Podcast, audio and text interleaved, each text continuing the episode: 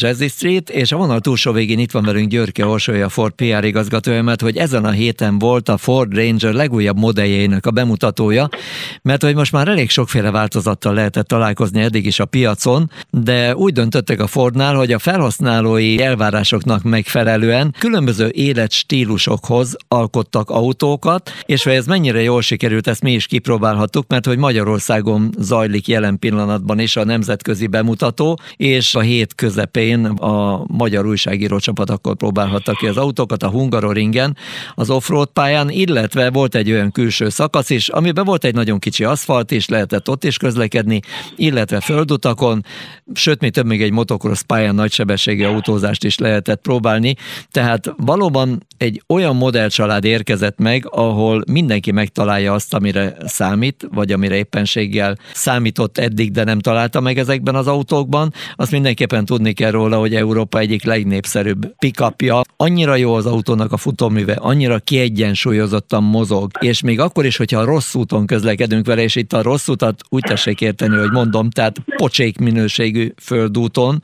egyszerűen nem ráz, nem dobál, és olyan gegeket raktak bele, mint például, ha csak két kerékhajtásunk van, akkor is be tudjuk kapcsolni a hátsó sperdifit. Aki rendszeresen terepezik, az tudja, hogy ez milyen jó dolog, amikor az ember ugye nem akarja még bekapcsolni a négy kereket, nem akarok felezőt kapcsolni, csak egy picit tovább kellene menni, és akkor egyszerűen rányomok a sperre, és úgy megindul az autó, hogy egyszerűen hihetetlen, tehát kiszámítható lett, kellemes lett, nagyon szép a belső tér, és minden autónak egy kicsit más az arculata, nagyjából ennyi a végeredmény. Egyébként a tesztvezetés után tényleg az ember úgy szállt ki bármelyik modellből is, hogy lényegesen többet kapott, mint amit várt az autótól, tényleg meggyőző volt számomra, miközben nem vagyok annyira pick-up függő, mert hogy az én élet stílusomban annyira nem passzolnak bele, de komolyan mondom, hogy ha lenne a garázsban annyi hely, meg lenne a büdzsében annyi, hogy pár darab autót ott be tudnék tárazni, biztos, hogy lenne egy ilyen pickup. Na de a vonal túlsó végén akkor Györke Orsolya, és akkor induljunk el az autó bemutatásával. Mi az, amit tudni kell az új modellcsaládról? De hát először is szép napot neked!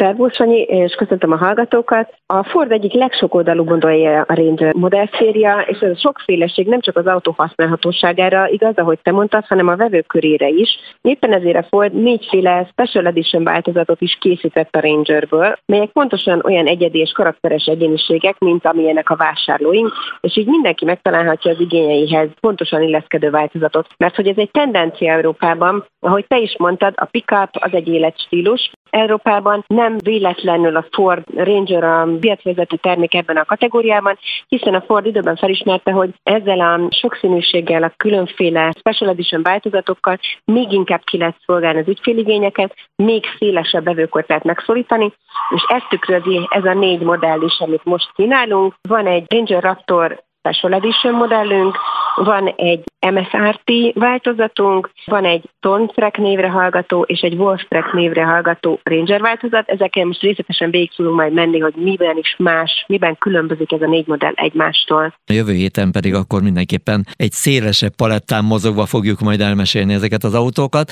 de hogyha röviden összefoglaljuk, akkor ami számomra érdekes volt, és egyébként az nagyon meggyőző volt, hogy ugye van az a verzió, ami kétféle szürke színben rétezik, ő a munkagép, úgymond. Azt mondtátok, hogy ez az a verzió, így van a Wolf Track, a, a farkasunk, amelyik egyébként nagyon jól mozog a terepen, tehát tényleg mindent tud. Nem okvetlenül övé a legnagyobb, legerősebb, legbrutálisabb motor, de az a motor, ami benne van, nagyon jól dolgozik, nagyon jó helyen vannak a nyomatéki viszonyai, az automata váltóval tökéletes összhangban van, és tényleg olyan helyeken lehetett kipróbálni, olyan körülmények között tudtunk menni vele, ami meggyőző volt. És megvan benne a kényelem, megvan benne mindaz, ami egy nagyon kellemes munkaeszközé, vagy éppenséggel vadászautóvá, vagy bármi más egyébé teszi, ami nehéz terepet igényel, és azért jó lenne, a kényelmes lenne, és ebben megvan ez mind így ötvözve. Pont ugye ezért a nevében is adódó a Wolf Track, tehát ez tényleg erdélyi használatra, főleg erdészeknek, mezőgazdászoknak, olyan szabadidős tevékenységet folytatóknak fejlesztettek ki a Ford, akiknek a terepe az erdő. Erre az autóra jellemző, hogy te is említetted, kétféle szürke fényezéssel lehet kapni, elektronikusan zárható hátsó differenciálművel, terepgumikkal és matfeketére festett díszítő elemekkel teszi az autót még inkább olyan hangulatúvá, ami ugye a terepezéshez, ehhez az erdőjáráshoz leginkább passzol, hiszen ugye ez is egy ilyen a felhasználó igény volt, hogy kell egy ilyen változat, ami inkább munkagép, hogy ahogy te is említetted. Kevésbé a komfort, sokkal inkább a teherbírás, a terepképességek kidoborítása az volt a cél ebben a modellben. De akkor egyelőre most ennyi, és akkor jövő héten innen folytatjuk, tehát nem elfelejteni. Jövő héten természetesen újra terítékre kerül majd még a farkasunk és a szürke farkas, tehát szerintem nagyjából azért úgy felvezettük, hogy miről lesz szó. Érdekes modellek vannak. Egyébként az MS sportos az, az nagyon-nagyon rendben van. Tehát, na mindegy, szóval igen, majd visszatérünk. Igen, teljesen egyedi dizájnú igen, igen, egyedi sorszámmal lellátva, ahol versenyautók készülnek. Igen, ott építik Igen. ezt is.